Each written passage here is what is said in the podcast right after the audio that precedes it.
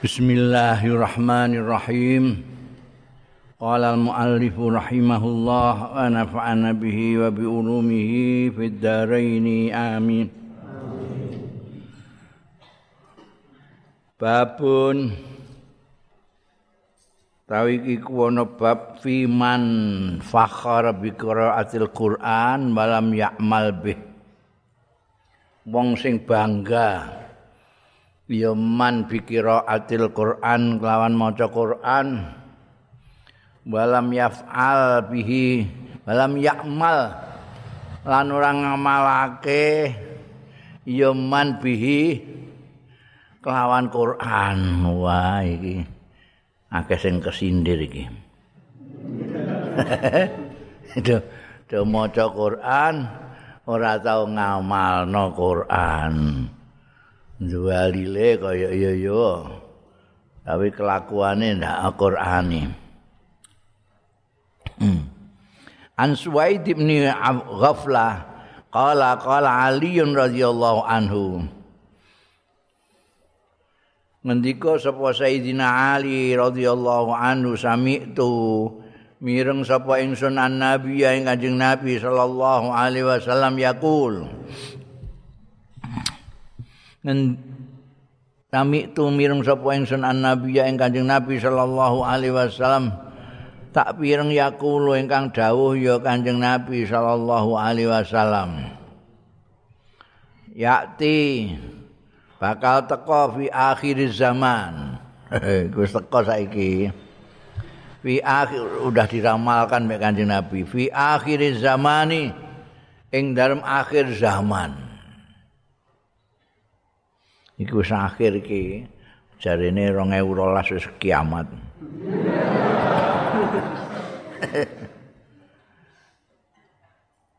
Sopo sing teko ning akhir zaman? Kaumun kaum. Khuda khuda zaul asnan. Sing nom-nom umure. Syekh nom wis ustad. Sufahaul ahlam kumprung-kumprung pikirane. Cetek-cetek pikirane. Ndak pakai mikir.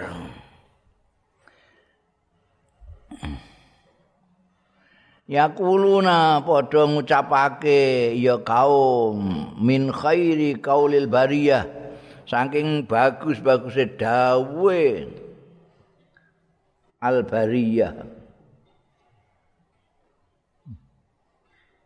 ya? Capane baria manusa maksudnya. Yamrukuna. Meluncur. Yamrukuna minal islam. Yamrukuna meluncur. Minal islami. Kaum iku mau yamrukuna minal islam yang islam kama yang meruku kaya dini meluncur apa asahmu panah anak panah. Minar ramia di saking pemanahan. Jadi kalau manah itu su meluncur kira aja layu jawizu imanuhum hanajirahum orang liwati apa imanuhum imane kaum kana jirahum ing tenggorokan tenggorokane kaum. Fa aina malaka itu muhum mongko ning diae laka itu muhum ketemu sira kabeh ing kaum faktuluhum. Mongko matenono sira ing kaum. Fa inna qatlahu mongko setune mateni kaum mau iku ajrun ganjaran limang kota tumrape wong sing mateni. Ya manhum ing kaum yaumal kiamat ana ing dina kiamat. Wae meh mateni pi wong kaum iku kaya kowe jadi. Repot. Repot. Kira bunuh diri berarti. Ya. Wah ini gawat ya Wah, nek kon dalil masyaallah ya kuluna min khairi kaulil bariyah. Stop pokoke, ngrungokno gawok omongan nabi ngono. eh, eh, tapi dalam beragama itu ya kayak anak panah yang meluncur ber imannya itu tidak melewati khanajirim ya mau tekan cangkem itu orang ngajak tekan hati sampai bisa meluncur. Itu sak sak zaman milenial milenial iki sak durunge iku wis enak. Oh ya orang-orang seperti yang di ramalkan kanjeng Nabi Muhammad Shallallahu Alaihi Wasallam sudah terjadi. Orang-orang yang wah. Dalil pinter maca Quran pinter eh? tapi ya itu. Imannya menit orang sampai hati sekarang malah bisa ngerusak nemen karena dia punya hanya punya pengetahuan yang minim tapi sudah rumongso paling benar terus liane diperangi jadi mereka kualik-kualik jadi rumangsane wong sak donya iku kudu dipateni kabeh Mergo di pemahamane wong sak donya iki ning akhir zaman ya kaya kaum sing ngendikane Kanjeng Nabi iki. Padahal sing ngendikane Kanjeng Nabi ndekne iku. mereka itu yang dimaksud. Tapi mereka rumangsane ndekne sing bener, sing wong-wong liyane ndekne iku sing disebut Kanjeng Nabi kaumun. Nah, kaum semono akeh ana sing tuwa barang. Lah iki sing ngendikane Kanjeng Nabi kudasa ulasnan. nom-nom itu. Semangatnya berkobar-kobar tapi ya mau sebatas ini. Tidak sampai kalbunya. Eh, eh.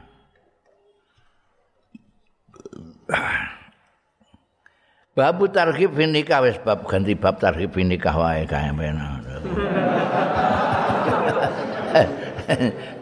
bab kira wong-wong sing do gunakno Quran nganggo kepentingan iku malah stres. Bab targhib fi nikahae.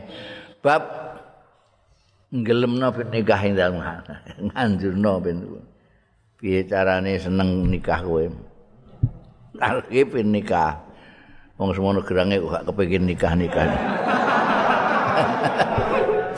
Jadi perlu bab targhib fi nikah itu.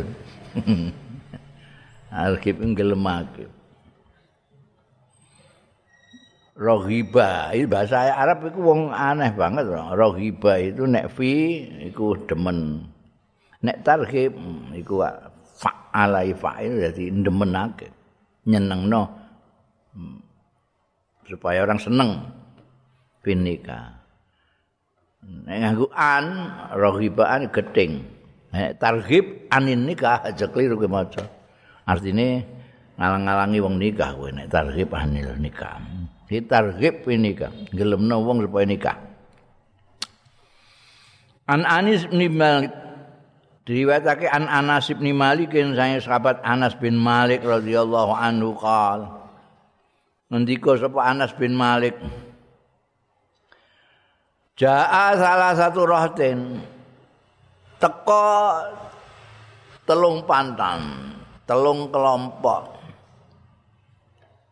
Ila buyuti azwajin nabi maring daleme garwa garwane Kanjeng Nabi sallallahu alaihi wasallam dalem-daleme iku kaya godaan bloko-bloko iku daleme azwajun nabi itu coba bayangno omah mentereng pirang-pirang gak kaya godaanmu iku jejer-jejer Siti Aisyah Siti Zainab Ummi Salamah Hafsah. Mereka ini ada beberapa kelompok datang ke rumah-rumah itu. Godaan-godaan ya. Yas'aluna padha nyuwun pirsa ya rahtun salasah mau an ibadatin nabi saking ibadahe Kanjeng Nabi sallallahu alaihi wasallam. kepengin roh lah. Pinter dia takoke ning ngene garwa-garwane, mesti yang paling tahu garwa-garwane. Anjing Nabi niku ibadah kaya napa?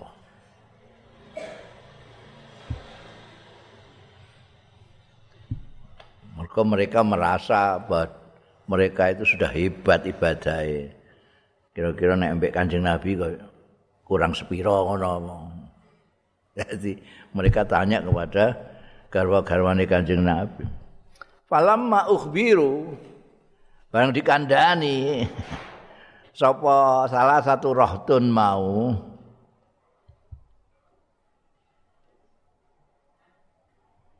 Ka'annahum kaya-kaya salah satu rohtun taqalluha nganggep sithik ya telah ing ibadah Kanjeng Nabi. Lho, kok mau ngono ibadah? Kok akeh sarene?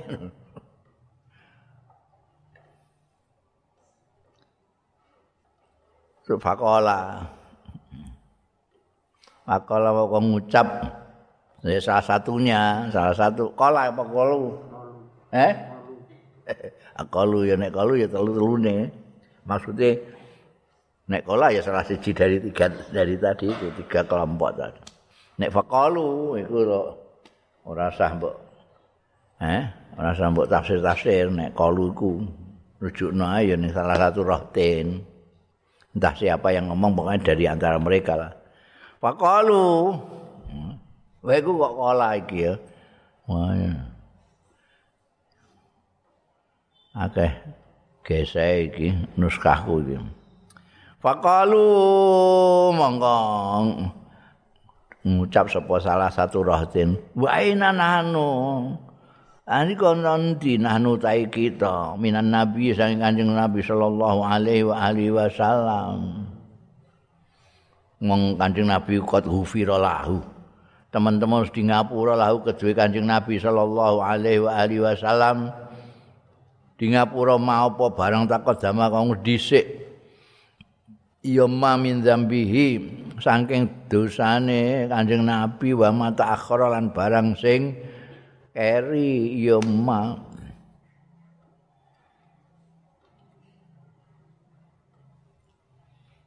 iya ana sing dadi antara mereka itu ada yang ngono ya saya nek kanjeng nabi ibadah mok semono wong pancen nabi ya lah. Kita mbok banding nabi ya gak iso. Kanjeng nabi ku di ngapura. Dosa-dosane sing dhisik di ngapura sing nguri ya di ngapura.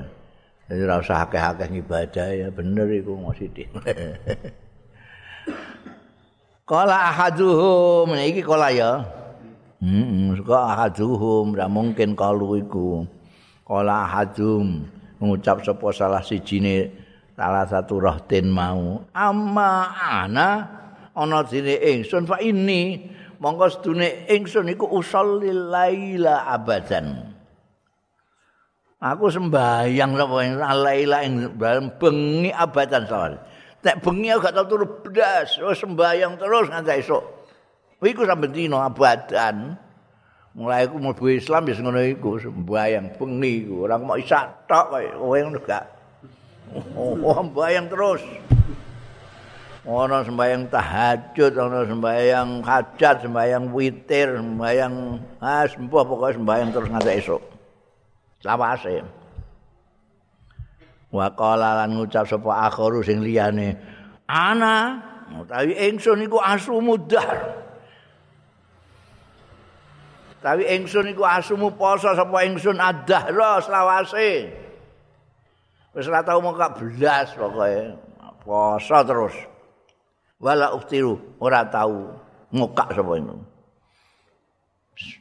nek sitoke angger bengi sembahyang terus sitoke angger awan poso terus. Oh. Jadi Kanjeng Nabi kok mau ngono no sare bareng. Kadang-kadang salat bengi, kadang-kadang sare. Kadang-kadang poso kok kadang-kadang ora.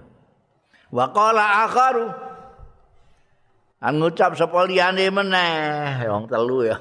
Ana Atazil nisa, aku tai ingsun iku atazil ngedohi sapa ingsun anisa ngomong wedok, ora tau parek-parek wedok. Pala atazawwaju mongko ora kawin sapa ingsun abadian selawase. Nduduk do pamer hebate masing-masing sitoke pamer. Ora tau turu salat terus nek bengi sitoke pamer awan gak tau ora poso poso terus sitoke ngaku suci ndak pernah ngepok wong wedok blas. Paja Rasulullah mongko rawuh sapa Kanjeng Rasul sallallahu alaihi wasallam. Pakola, dadi pas ning masjid kanjeng ketemu kanjeng Nabi faqala mongko dawuh kanjeng Nabi antum alladzina qultum kadza wa kadza utawi sira ira alladzina qultum kang padha ngucap sira kabeh kadza ngene kadza ngene. Iki gak tau turu poso terus iki ora tau gepok wong wedok. Ya. Kandhani ama wallahi. Eling-eling demi Allah. Ini lak temene ingsun la akhsyakum. Itu yakti paling wedi-wedi ro kabeh lillahi marang Gusti Allah. Kowe kok emeh wedi-wedinan karo Gusti Allah karo aku ya mesti kalah wong aku utusane Gusti Allah. Luwih kenal Gusti Allah. Kowe ora mak tak kandhani aku ngono ae. Aku roh dhewe. Mulane aku paling wedi-wedi ro kabeh lillahi marang Gusti Allah.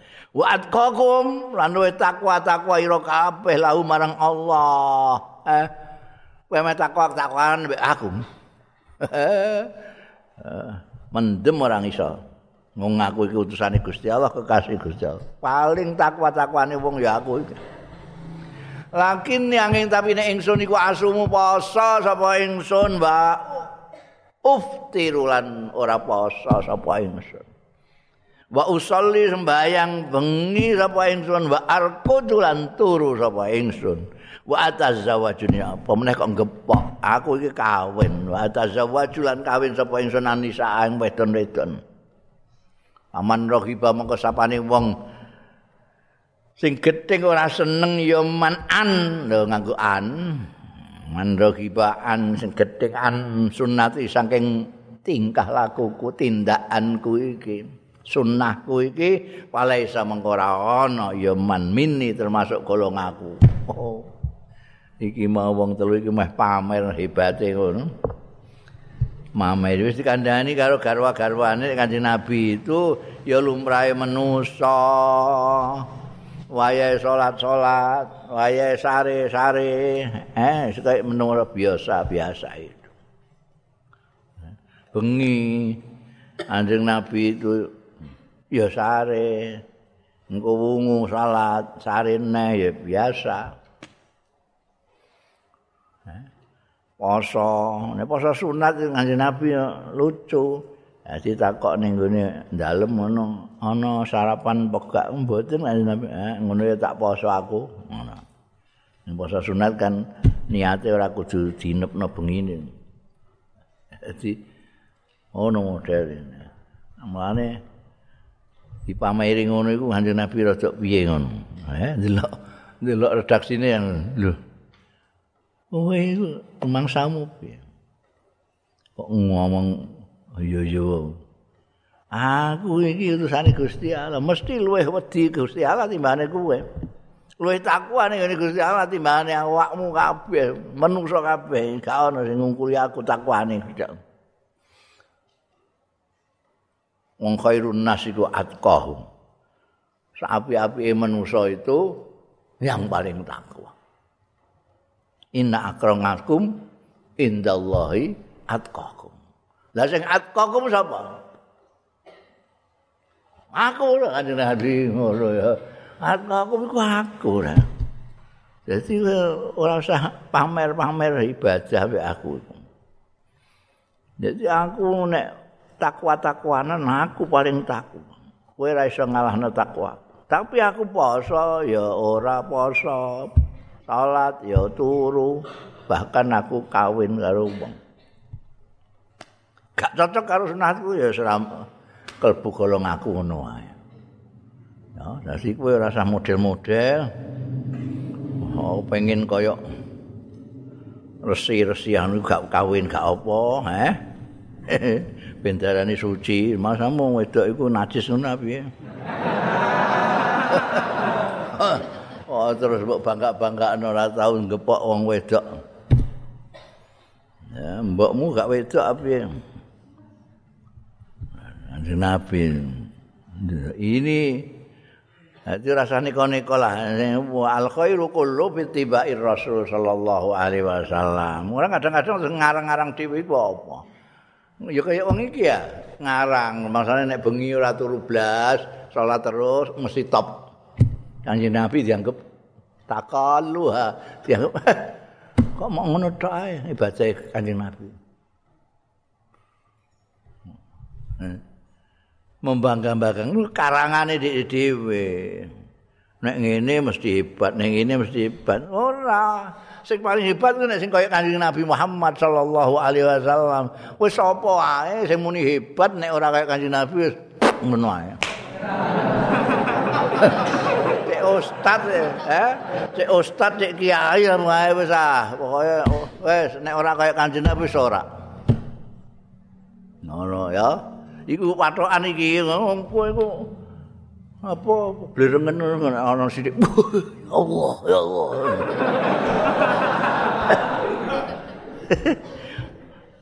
ana orang ora kawin-kawin wah iki wali iki masyaallah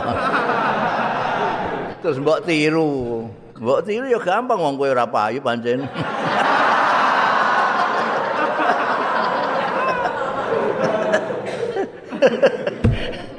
La ilaha illallah. Kayak iku soalé wong kudu ngarang-ngarang dhewe iku lho.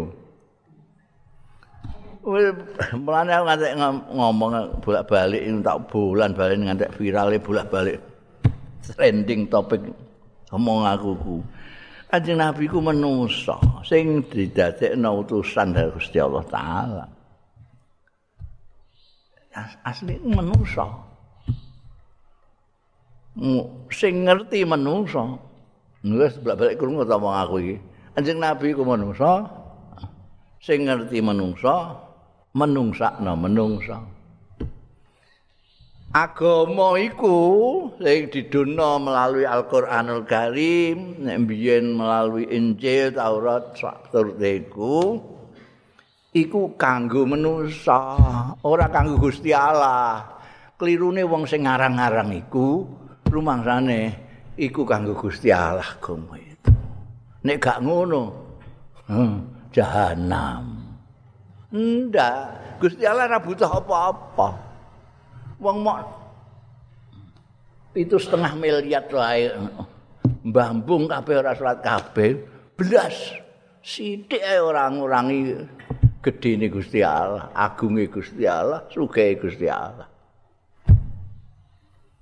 wong triliunan malaikat wong ibadah tok ora tau lah apa-apa liyane ibadah karo Kanjeng Nabi karo Gusti Allah taala. Dadi aja nganggep ngibadahmu terus kowe nek mbayang sregep sampe wah Gusti Allah iki mesti seneng ora karuan nek nyawang aku itu. Ya Allah mbayang duka bangan melete terus sirahe tambah gedhe. Wong kowe iso ibadah iku ya Gusti Allah. Karena untuk manusia, maka Gusti Allah ngutus utusan dipilih manusia sing paling manusia, sing ngerti manusia. Wah kok sing gawa agama Islam iki kaya dapure ngono kae. Sing ora ngerti manusia iku. Rumangsane nek nek ora kaya ndikne ora manusia iku, bar kabeh ndasmu. Jahanam kabeh. Ya. Gusti Allah milih kawulane sing paling manusa, sing ngerti manusa. Mulane janji ana wong sing muni aturan agama itu begini begini begini sing kira-kira umume manusa kok ora sanggup iku bohong ngono wis gampang titenane misale dik serbane sak ban truk kurang sana jenggote sak udel terus ngomong karo kowe kowe nek kepengin selamat donya kira kowe poso orang dina orang bengi ora sahur ora buka iki karangane jelas karangan saja ngandel Mergo apa? Mergo tidak manusiawi. Tidak mungkin keluar dari kanjeng Nabi Muhammad Sallallahu Alaihi Wasallam yang manusia. Tidak mungkin itu dawuhna Gusti Allah sing ngerti menusa mergo sing nitahke menusa. Gampang. Delok ae kabeh. Perintah-perintah agama itu gak ono. Sing di luar batas kemampuane menusa. Menusa lho ora kowe. Um menusa iki maksude umume menusa. Bahkan sesuai dengan fitrahnya manusia. Delok eh, posone misalnya. Poso iku wong gak mangan sedina. Mulai subuh nanti maghrib. Menusa iku nek ora untuk mangan sedina iku apike diloloni mangan jam rolas apa jam siji apa engko nek mendekati subuh? Eh? Angger wong sing males mesti ya mendekati subuh engko. Jadi awan iku isih antep ngono. Lumrahe manusa mesti ngono. Kecuali manusa sing model-model sing gak pati normal. Wah nek anu nek gak untuk poso esuk sedina ya enake ya barisa ae sahure. Eh mendem iku. Ora lumrah. Manusa mesti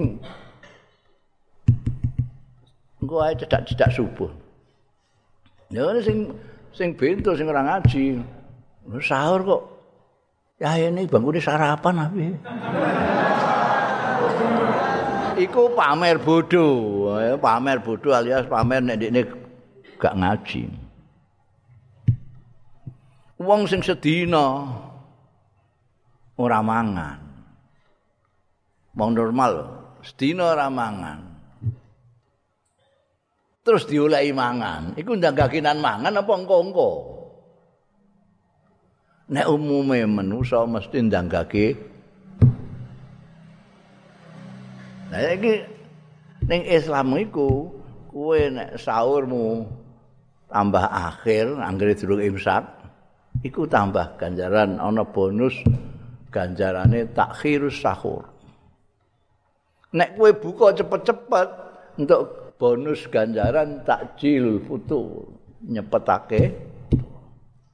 Jadi nek kajeng ah kayak santri anyar ae. begitu dur terus ngombe. Iku berarti pamer bodho juga itu. Sing bener ya dur langsung ngombe. Ora kok terus rokok.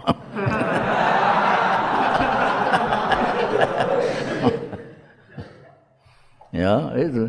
Itu kacau ngarang dia. Kanjeng Nabi ku manusia sekali. Manusiawi sekali. kowe nyusoni anak wong nyusoni anak wah lemes kabeh awakku muka lunga aja jak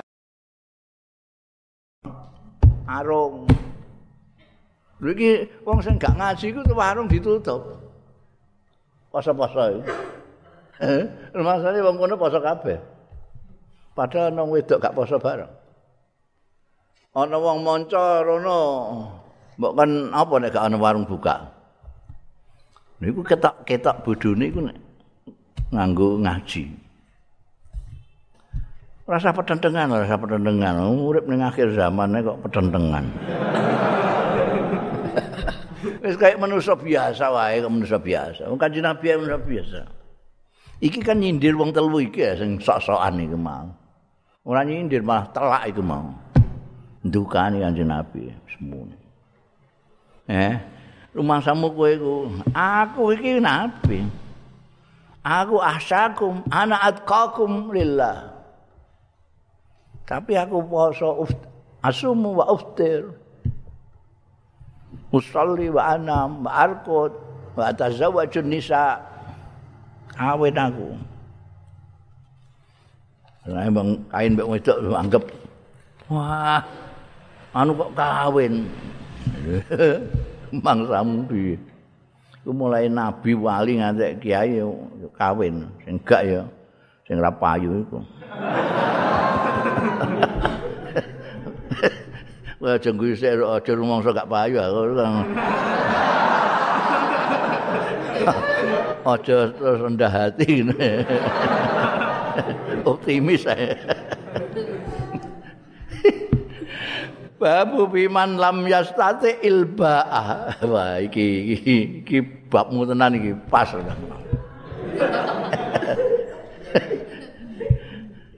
Bab biman ing dalem wong lam yastati sing ora mampu alba'at.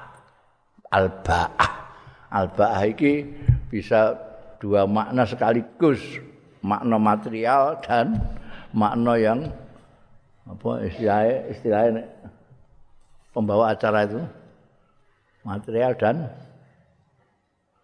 Nek terima kasih atas bantuan-bantuan berupa material dan moral. ya iki maknane baah ini bisa moral bisa material. Jadi maksudnya baah itu bisa tidak mampu prongkosannya kawin. Ayo kowe kira-kira ngono. Ana sing gak sing gak kuat kawin, pancen gak iso. Gak iso ya. Eh, apa-apa ana gak iso kawin.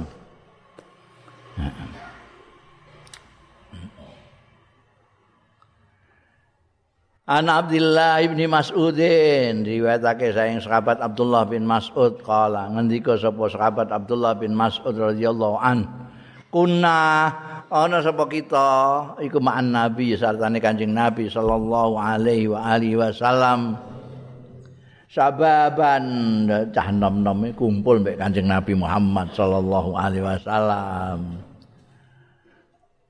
Lan naji itu ora nemu kita sayan ing apa-apa kok kaya kowe kabeh iki. Gak di apa-apa. Cah nom-nom gak di apa-apa. Rokok ae tegesan. Pakala Rasulullah maka dawuh sapa Kanjeng Rasul sallallahu alaihi wa alihi wasallam ya maksara sabab eh pemuda-pemuda hadri-hadri manis tata amin kumul ba'ah fal yatazawwaj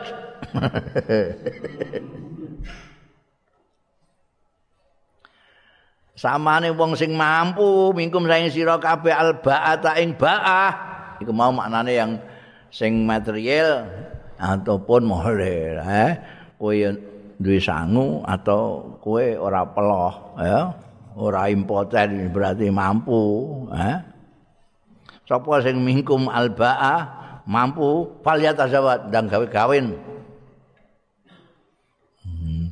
fa innahu mangka setuhune. Zawat iku aghaddu lil basar. Iku luwih ngeker luwih ngremake lil basari marang peningal. Wa ahsanu lil farj. Lan luwih ngreksa lil farji marang kemaluan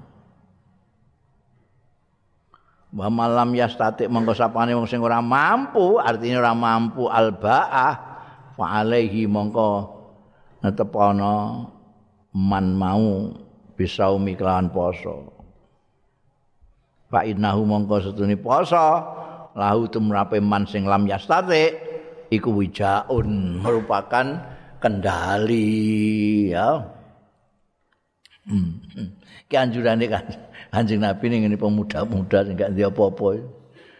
Andane kowe kowe nek wis mampu ndang kawin ah kawin. Mampu. Mampu secara material maupun secara moral ndang gak nikah. Oh.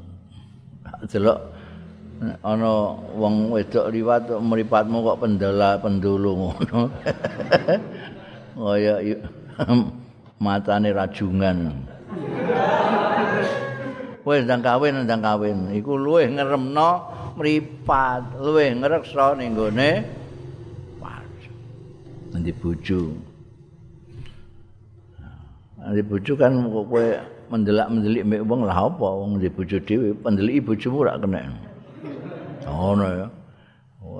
Ketarik mbek wong liya delok bojomu panen bojomu wah mboten gadah napa-napa kula niki kawin lah napa rokok mau cegesan. ya poso. Ya poso. Kowe nek kepengin wis kepengin kawin tapi kan ya apa-apa. Poso. Ya, poso itu jadi kendali ini poso. Bisa ngeker meripat, bisa ngeker macam-macam itu nek poso itu. Nek poso ra kuat ya mbah.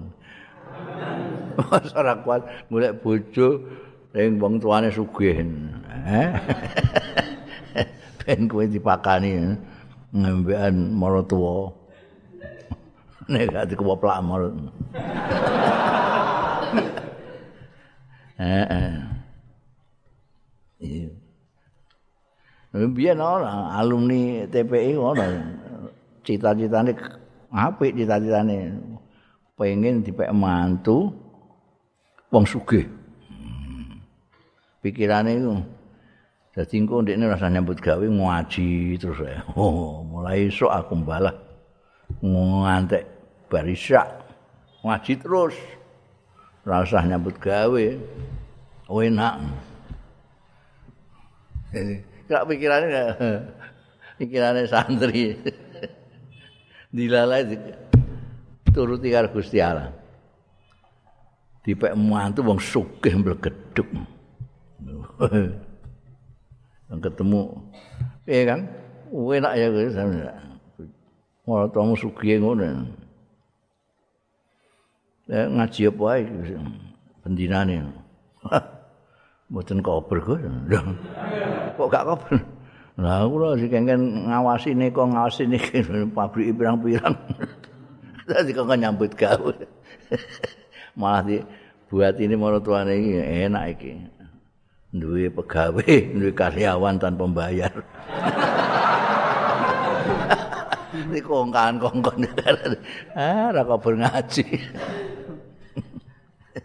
ya wis pokoke nek kowe gak gak gablek apa-apa ya poso ngono ae wis.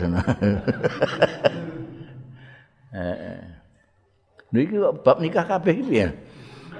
Bab untung kahul mar'atu li arba'i hilal. Bab dinikah sapa al mar'atu wong wadon li arba' hilalin duwe papat pira-pira peker. Apa? Eh sifat karakter. Kuwi nek milih bojo iki ana ada empat kriteria ini. Empat kriteria iki nggoan.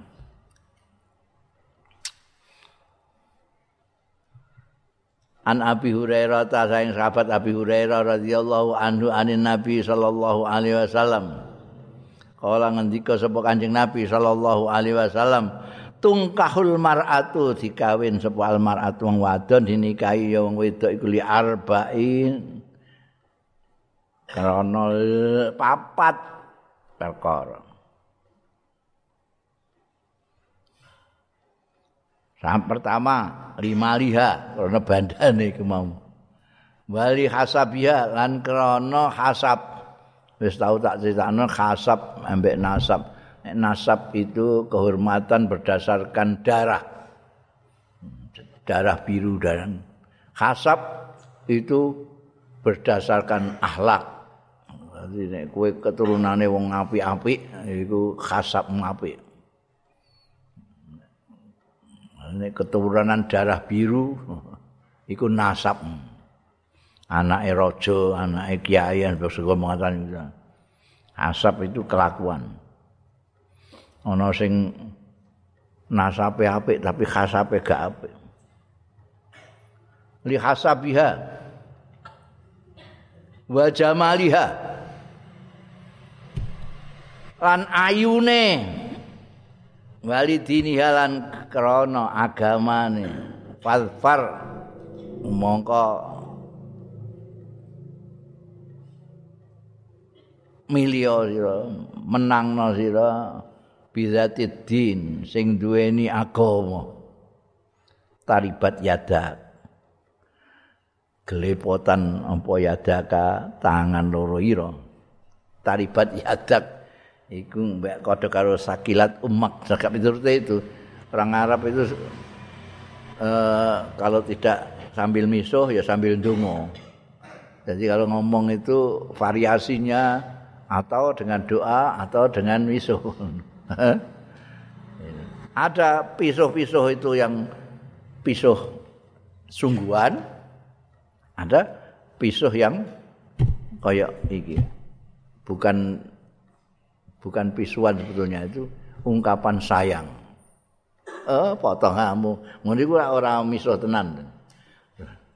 Oh, kucing belang gitu.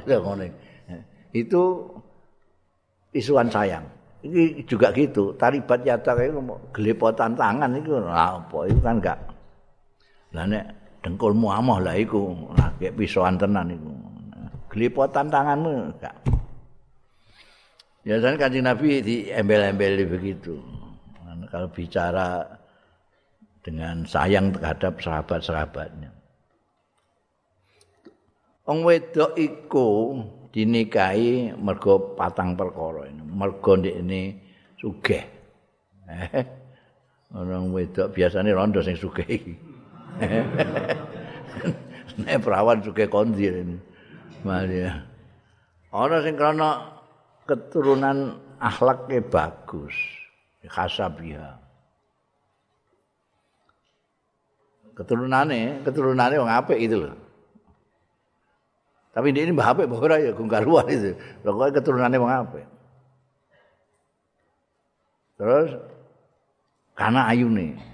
Iki sing akeh santi-santi sing digoleki Jamali. Sing keempat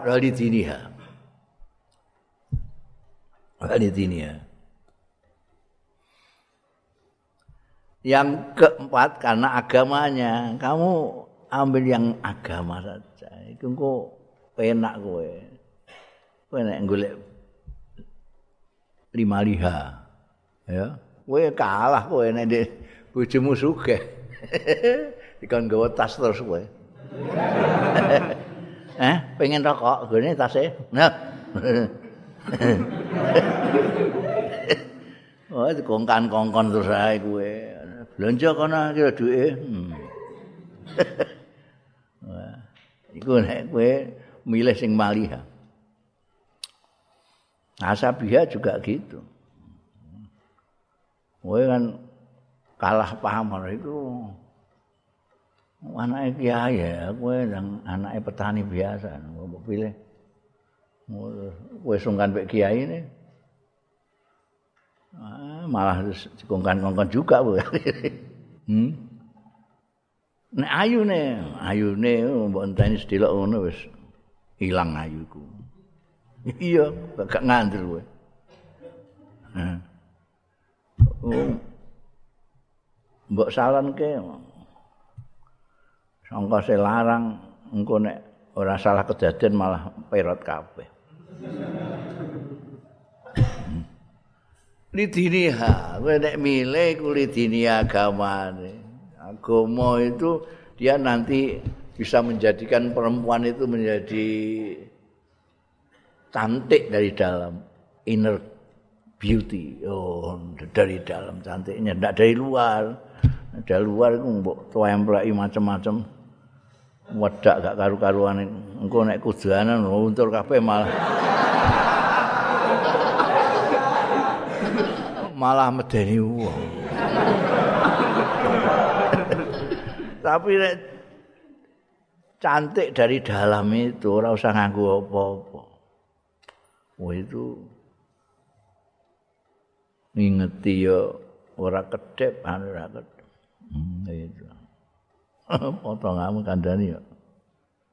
Palpa bilati den taribat yada kandhani kandhani ora ngatur.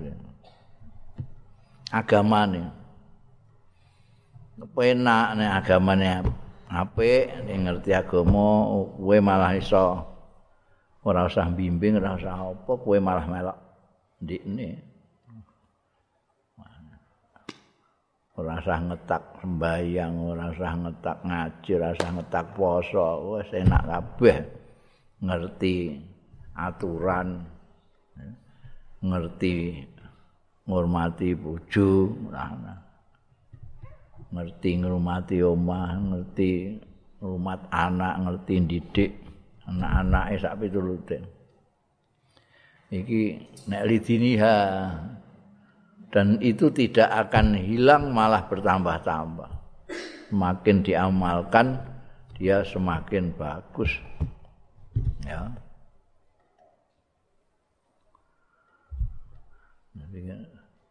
Anjing Nabi ku ngendikan kok apa jenenge? Istilahnya cah saiki kan bias gender. Sing dikandani kok sing lanang kok gak ana wong lanang iku digawe nafane apa mergo brengose apa gantenge apa sugih gak mergo kena apa? Mergo umume sing nyerongot iku sing lanang. Wedok iku pasif wedok iku. Ora kaya wong lanang ngono. Mulane ora diwingi-wingi widodara gak ono wedok anane widodari mergo sing nyerongot wong wong lanang. Ora ana wedok sembayang-bayang nang ngene anu untuk widodara brengose kaya gadut kaca ora ono nek wong lanang itu secara naluri memang ngono pikiran iku pedoan tok nek wong wedok ora ora dipikir ora lanangan ora ora tau masamu kowe iku dipikir nek wong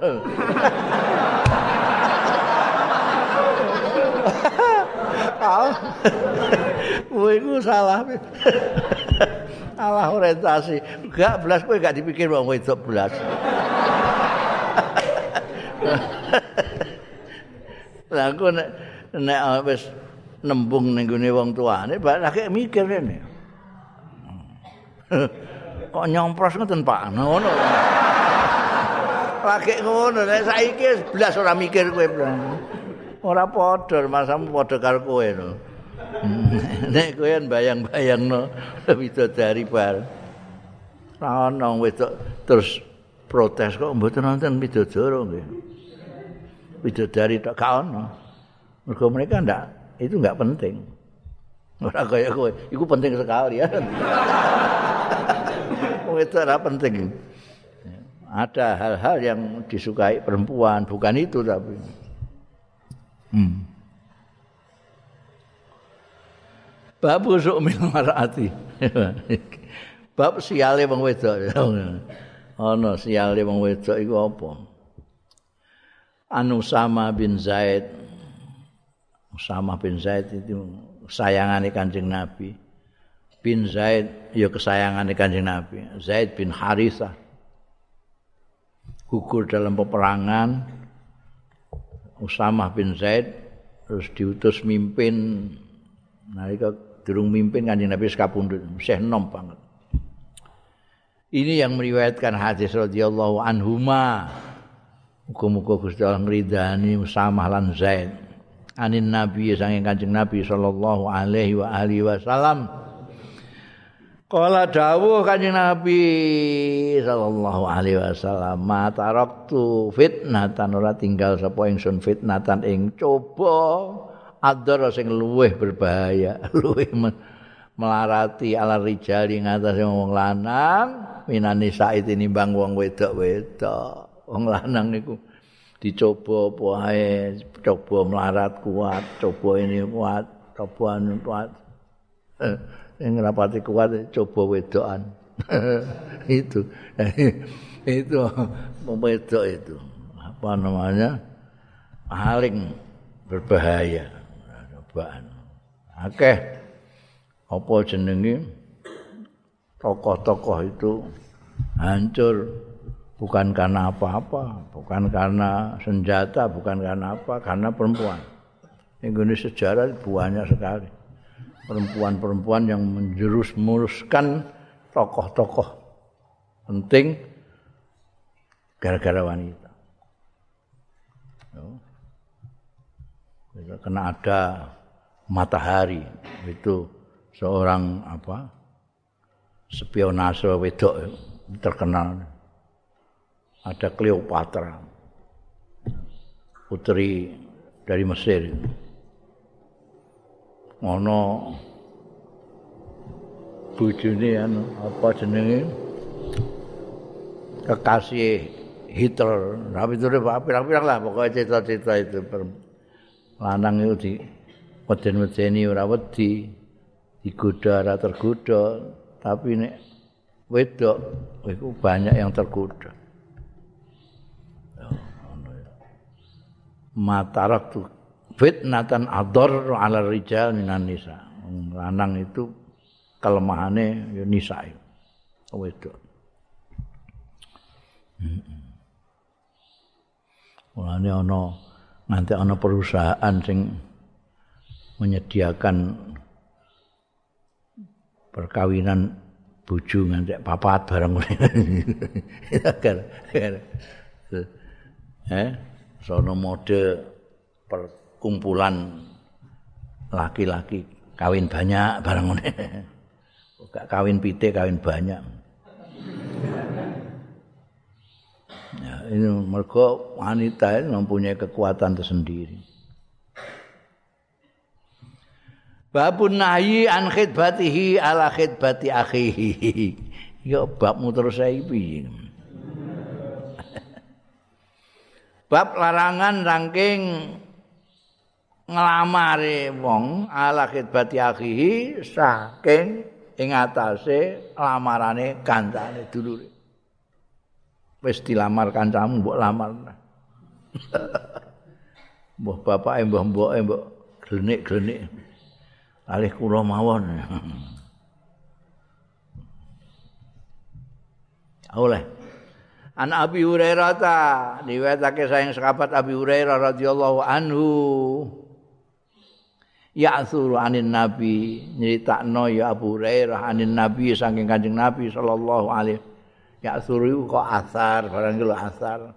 Ana sing apa yuk hadisu dadi hadis ya dadi asar. Manane meh padha. Anin nabi sayang kanjeng nabi sallallahu alaihi wa alihi wasallam we kanjeng nabi nasekati kalian semua iyakum wadzanna mutiya sira kabeh wadzanna lan sartane prasangka prasangka biasanya nek di itlakno maknane prasangka buruk. Wa inna dhanna setune prasangka iku akzabul hadis. Ketoke kok ndik niku, lho ngono iku prasangka. Ketoke ndik niku anu. Ya iya, iya ketoke. Iku zon. Fa inna dhanna mangko setune prasangka iku akzabul hadis. luwih gara-gara omongan ya anu ketoke-ketoke sajake tak delok kok saya kira kok dugaanku ndek ndumbung ngono-ngono iku iku akdabul hadis. Aja mbok lakoni jangan sampai kamu itu begitu. Jangan sampai kamu punya prasangka buruk dengan orang lain. Wala tajassasu supaya yakin nggih. Diteliti ora ana ngalahkakno juga. Wala tajassasu aja niti-niti sira kabeh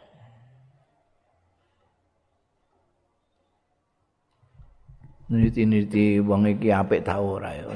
Mbok selidiki.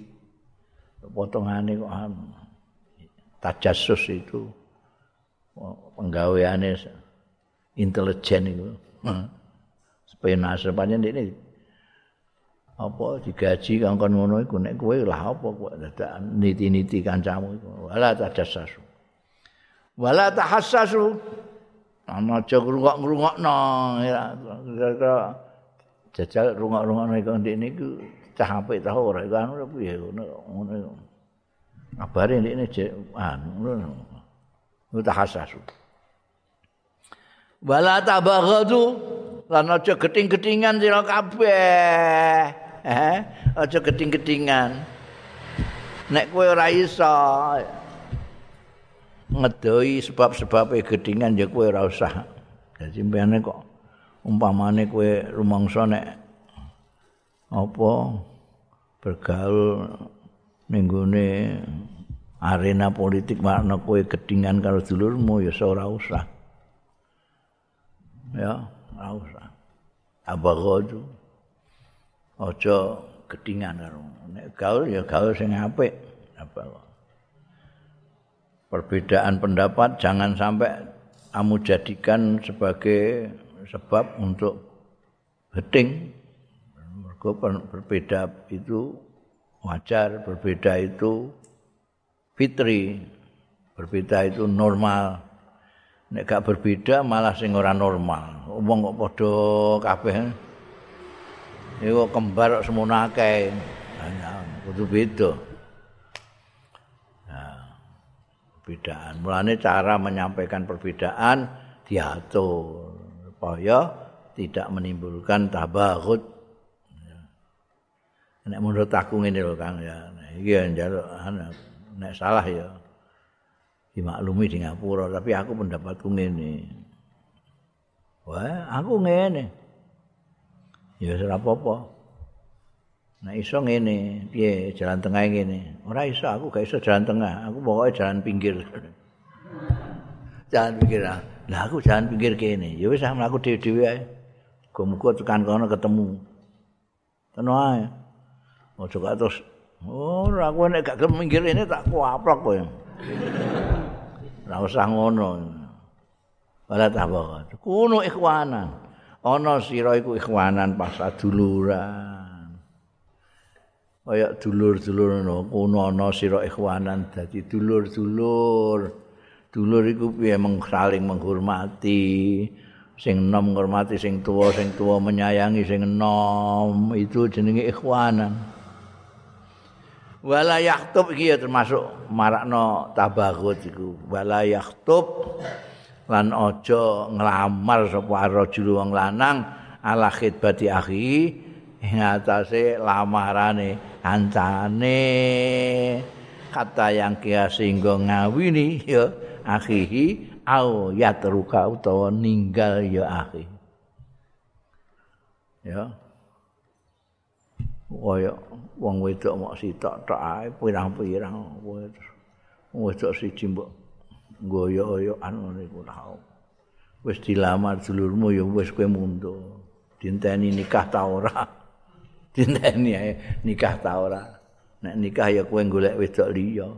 Lah nek ditinggal gak sida nikah kowe mbok lamar ya gak apa-apa ngono ya aneh eh timbangane gelut ya.